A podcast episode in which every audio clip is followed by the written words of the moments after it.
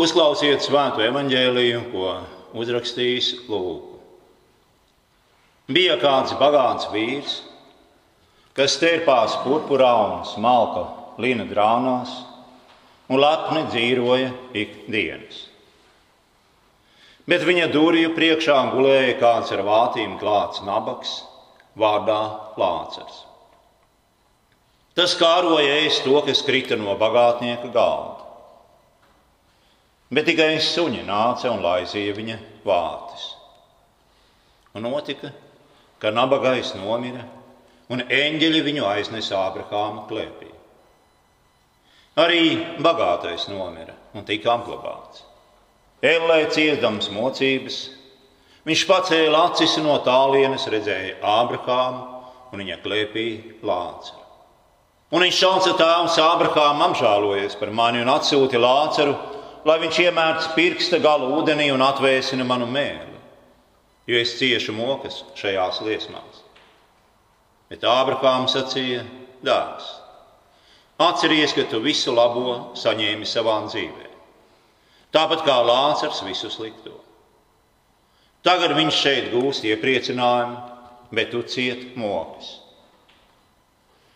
Turklāt starp mums un jums ir nolikts liels bezdibenis. Lai tie, kas gribētu pāriet no šejienes pie jums, to nevarētu nec arī no turienes pie mums. Un tad es sacīju, es tevi lūdzu, tēvs, sūti viņu uz mana tēva namu, jo man ir pieci brāļi, lai viņš tos brīdina, ka arī viņi nenonāk šajā mocību vietā. Bet Ābrahāms atbildēja: Viņiem ir mūzis un pravieši, lai viņi tiem klausās. Tad viņš teica, ne Ābrahāma tēvs, ja vien kāds no mirušajiem dotos pie viņiem, tie atgriezītos no grēkiem. Bet Ābrahāms sacīja, ja viņi neklausa mūzu un praviešus, viņi neticēs pat, ja kāds no mirušajiem augšām celtos. Āmen. Šī dienas evaņģēlijas atklāja dzīves noslēpumaino raksturu un māca vēl vairākas citas lietas.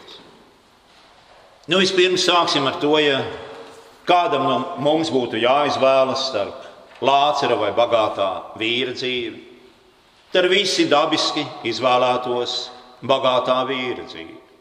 Un tas notiktu ne tikai tāpēc, ka šāda dzīve ir daudz vieglāka un patīkamāka, bet arī tāpēc, ka bagātais vīrs šie dieva svētīts, bet nabaga lācers nosodīts. Tomēr tas, ko domā cilvēks, nav tas pats, ko domā Dievs. Dievs nespriež pēc ārienes, viņš spriež pēc cilvēka sirds. Nav grūti noprast, ka bagātais vīrs paļāvās pats uz sevi un uz savu bagātību. Bet nabaga lācara vienīgā cerība bija Dievs. Un vārds lācars to tūkojumu arī nozīmē. Dievs ir mans palīgs. Zinot mūsu miesas vājumu, un mūsu vājās spriestspējas. Kristus nāk mums palīdzīgā šī dienas evaņģēlijas stāstā. Un tajā mēs mācāmies, ka ārējie dzīves apstākļi var būt pat ļoti maldinoši. Visiem mums reiz būs jāmirst, gan bagātajiem, gan nabagajiem, gan gudrajiem, gan muļķiem. Un galvenais ir tas, kas ar mums notiks pēc nāves. Jo tad, pēc šīs šķietamības laika, dzīve patiesībā tā īsti tikai sāksies.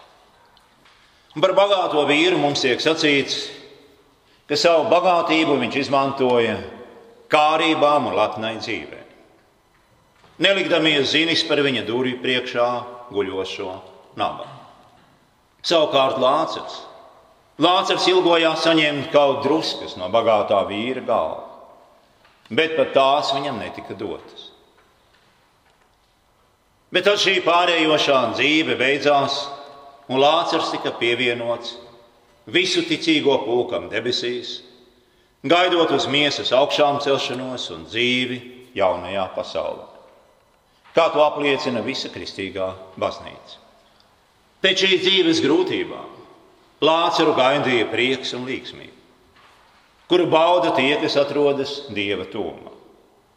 Par spīti savas laicīgās dzīves grūtumam, Lācis bija mācījies pazīt Dievu kā labu un žēlsirdīgu. Un tā ir ļoti liela lieta. Viņš bija paļāvies uz Kristu, un tagad viņa ticība tika atalgota. Tā nebija Lācara nabadzība un ciešanas, kas nopelnīja debesis. Bet tās bija viņu pasargājušas no maldīgas paļāvības uz šīs pasaules godu un labumiem. Lācars nebija kārojis lepnu dzīvi. Viņš būtu apmierinājies tikai ar druskām no bagātnieka galda. Pavisam citādi tas bija ar bagāto vīru, kura vārds pat netiek minēts, jo Dieva priekšā viņam vārdu nav. Cilvēku priekšā viņam bija liels un dižens vārds, kuru visi godāja, bet Dieva priekšā viņš nebija nekas.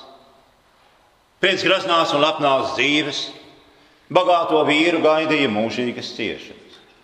Nu, lūk, tas ir visu mūsu kopējais posms un sērga, ka mēs meklējam godu nevis dieva, bet gan cilvēku priekšā. Ka mēs meklējam vieglu dzīvi un mazu krustu. Un tam var būt briesmīgas sakas mūžībā. Kristus šeit skaidri saka, ka pastāv debesis un eļļa. Nu, tam, protams, lielākā daļa mūsdienu cilvēku paši sev par postu vairs netic. Kādas tur debesis un kāda tur ir? Kristus arī saka, ka elle ne tikai pastāv, bet viņš saka arī, ka daļa no elles mokām ir saistīta ar zaudēto debesu redzēšanu. Uz mūžu mūžiem bagātajiem bija jāraugās uz Lācara debesu prieku, kuru tas pats bija neatgriezeniski zaudējis. Tāpat kā visi citi ēles iemītnieki, bagātais vīrs cieta briesmīgas mocības. Viņš dega kā uguni. Viņš bija nošķirts no dieva. Un bez dieva, protams, nav nekā cita kā tikai šausmas un mokas.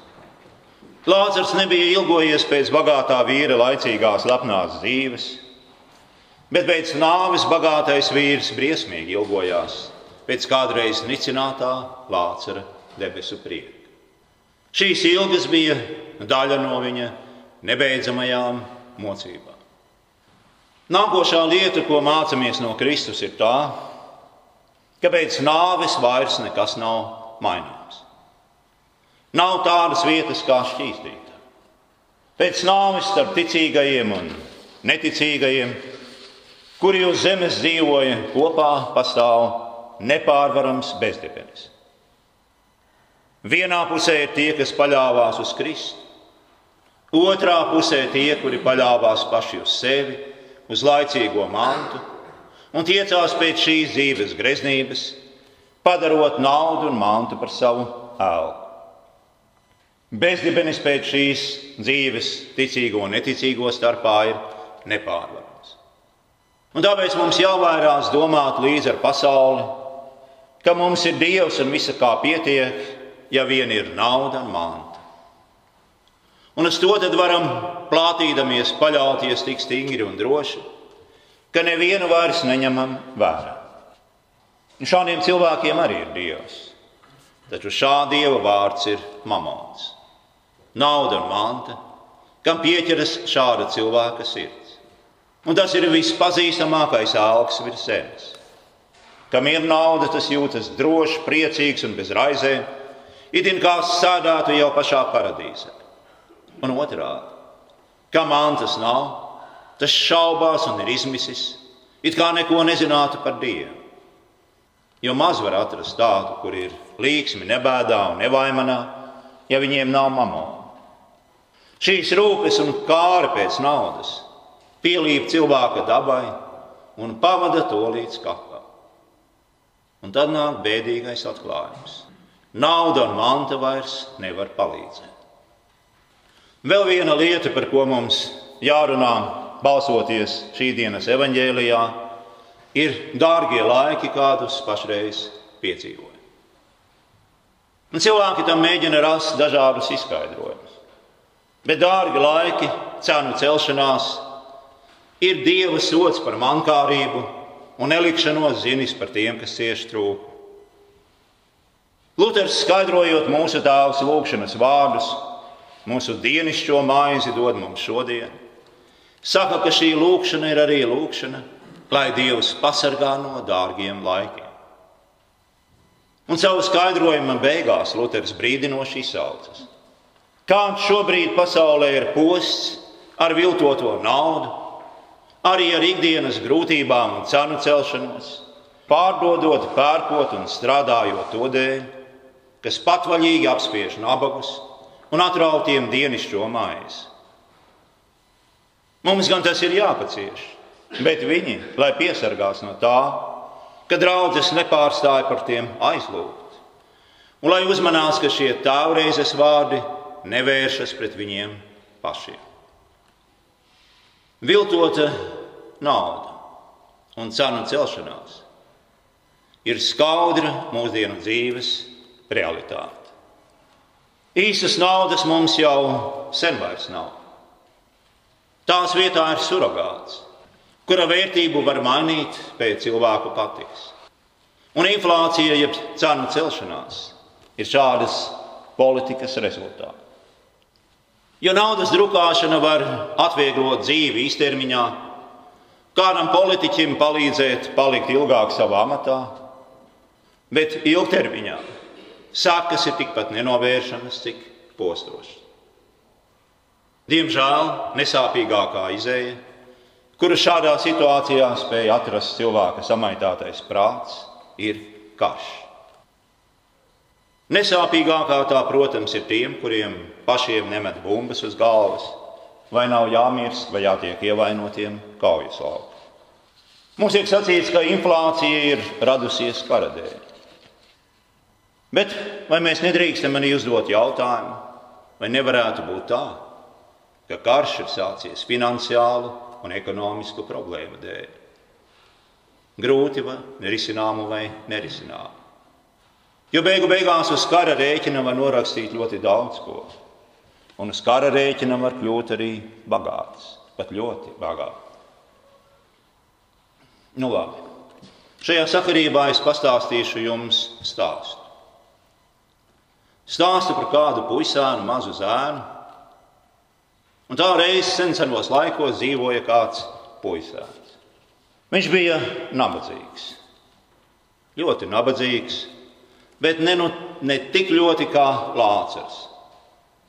Jo viņam bija sava bilžu grāmata. Un šajā bilžu grāmatā bija skaisti attēli no daudzām un dažādām zemēm. Ar brīnišķīgām ainavām, dabas skatiem un celtnēm. Es jau teicu, ka puisāns nebija Lācis, un atšķirībā no Lācara viņam ļoti gribējās kaut ko no tā visa graznuma un skaistuma iegūt sev. Puisāns bija gudrs zēns. Viņš nebija muļķis un viņš sprieda tā. Pasaulē ir daudz nabagu. Viņiem nekad nebūs naudas, lai nopirktu skaistās zemes un celtnes, bet tik daudz naudas tiem būs, lai katrs no manis nopirktu kādu bilžu grāmatu un varētu kaut pamīlot savas acis. Nu, puisāns ķērās pie lietas, un drīz pasaulē parādījās tas, ko mēs saucam par virtuālo realitāti. Internets, mobilie telefoni, planšetes. Un tagad katrs varēja redzēt daudz, daudz skaistu bilžu. Ļoti daudz. Cik viens sirds kāro. Visi nabagi par pēdējo naudu pirka puisāna saražotās ierīces, kas ļāva tiem redzēt skaistās bildes. Bet ko darīja puisāni? par naudu, kuru gudrais zēns ieguva pārdodot virtuālo realitāti. Viņš negausīgi pirka zemes, mājas, dārglietas, izēvielas, mākslas darbus un citas tam līdzīgas lietas. Katrs dabūja to, ko viņa sirds kāroja. Nabagi dabūja bildes, bet puisām zemes, mežus, laukus un visas citas dabas bagātības. Nu, tad, kad puisāns bija kļuvis bagāts, Viņš iegādājās arī daudzas rūpnīcas, kuģus, lidmašīnas. Un, lai citi nevarētu apdraudēt viņa pasākumus, viņš lika lietā savu virtuālo realitāti un pārliecināja citus, ka zeme ir drausmīgi piesārņota. Protams, tā bija piesārņota, bet jautājums, kurš to piesārņo? Un, un puisāns pārliecināja citus, ka turpmāk, lai kaut ko ražotu, ir jāiegādājas kvotas. Nu, ne visi draudzīgi sāka tās pirkt no gudrā puisēna, kurš bija iemācījies pārdot tukšu gaisu. Tā kā zēnam tagad pašam bija daudz naftas un dabas gāzes, viņš nolēma daļu no tā visa pārdot, nu, tomēr cena viņu īsti neapmierināja. Jo puisēns bija kļuvis drusku mankārīgs. Un tad viņš sataisīja lielu jandāli. Viņu vajadzēja sodīt, un visi viņam par sodu steidzīgi ieviesa sankcijas. Kas notika? Jandāliņa un sankciju rezultātā gāzes un naftas cenas dubultoja. Tagad tās puisānu visnotaļ apmierināja. Agrāko peļņu viņš tagad varēja iegūt, pārdodot uz pusi mazāk savu izēvielu. Protams, cieta daudz cilvēku un nabagu kļuva ar vien vairāk.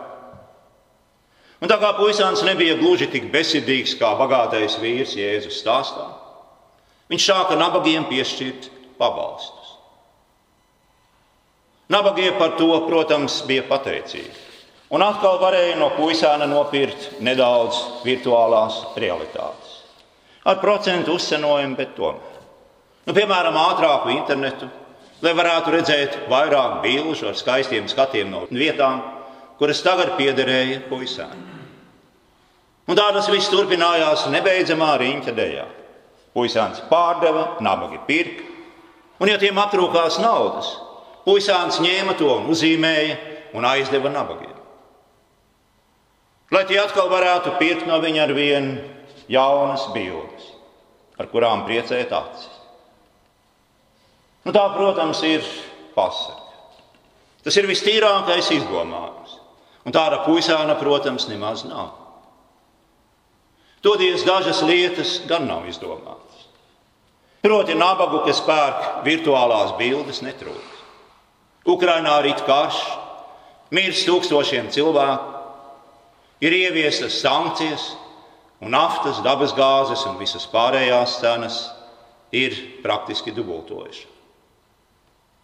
Jā, kā jau es teicu, puisēna nav. Jo šajā dīvainajā pasaulē viss rodas pats no sevis. Attīstās un pilnveidojas, un laikam arī sabrūk pats no sevis. Nu, vismaz tā stāsta evolūcijas teorijas piekritē. Lai gan puisēna nav. Tomēr šīs pasaules gudrie un varenie patiešām būtu gudri, ja tie padomātu par Lutera brīdinājumu un uzmanītos, ka tālreizes vārdi nevēršas pret viņiem pašiem. Nu, bet atgriezīsimies pie Jēzus stāstu. Tālāk tajā Jēzus saka, ka bagātais vīrs, atrastamies Ellē, joprojām ir paļāvies uz redzamām lietām, nevis ticību. Pēc šīs dzīves tā tad nekas vairs nemaina. Atgriešanās vairs nav iespēja. Un tā bagātais vīrs lūdz, lai Lācis tiek sūtīts pie viņa brāļiem ar brīdinājumu, lai tie atgrieztos no grēka. Un Kristus saka, ka tā ir gaužām maldīga doma. Bagātā vīra brāļiem jau ir svētie raksti, Dieva vārds. Ja tie netic tam, tad tie neticēs pat tad, ja kāds no mirušajiem celtos augšā. Ja jūs neticat Dievam, tad kādēļ, lai jūs ticētu brīnumam? Un tā patiesi notika. Tie, kas nebija ticējuši mūzim un praviešiem, kas mācīja par Kristu, neticēja arī tad, kad viņš augšām cēlās no mirušajiem. Tātad šodien ar Lācara piemēru Kristus māca mums pazīt Dievu un raudzīties uz dzīvi ar ticības acīm.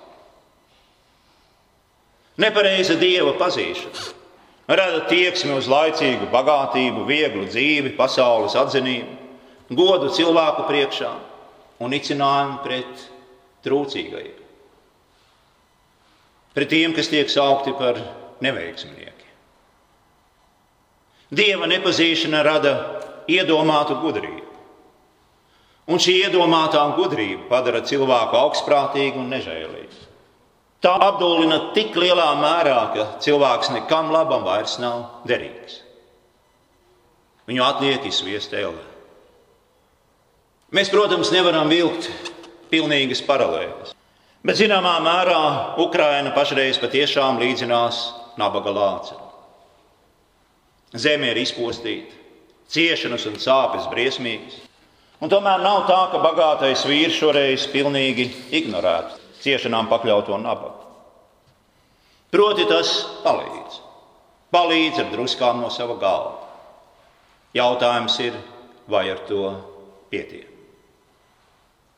Otra lieta ir tā, ka cilvēki uz mokām un ciešanām pakļauto raugās arī ar zināmām aizdomām. Nu, paši jau kaut kā vien būs vainīgi. Un rietumu cilvēki kļūst neapmierināti, pat dusmīgi, ka viņu līdzinējā lepnā dzīve un dzīvošana tiek apdraudēta. Lai kā tas arī būtu, lai cik liela kāda vaina, Par Lāceru mums netiek sacīts, cik lielā mērā viņš pats bija vainīgs pie sava posta. Tas, ko Kristus mums saka, ir tas, ka bagātajam vīram vajadzēja Lāceram palīdzēt. Un par to, ka viņš to nedarīja, viņš saņēma briesmīgu sodu. Nav grūti arī saprast, ka daudziem mūsdienās ir jāpiesargās, lai tos nepiemeklētu bagātā vīra liktenis. Grēcinieku, kam nāksies saņemt sodu, mūsdienu pasaulē netrūk. Tie ir atrodami ne tikai Ukrajinā un Krievijā.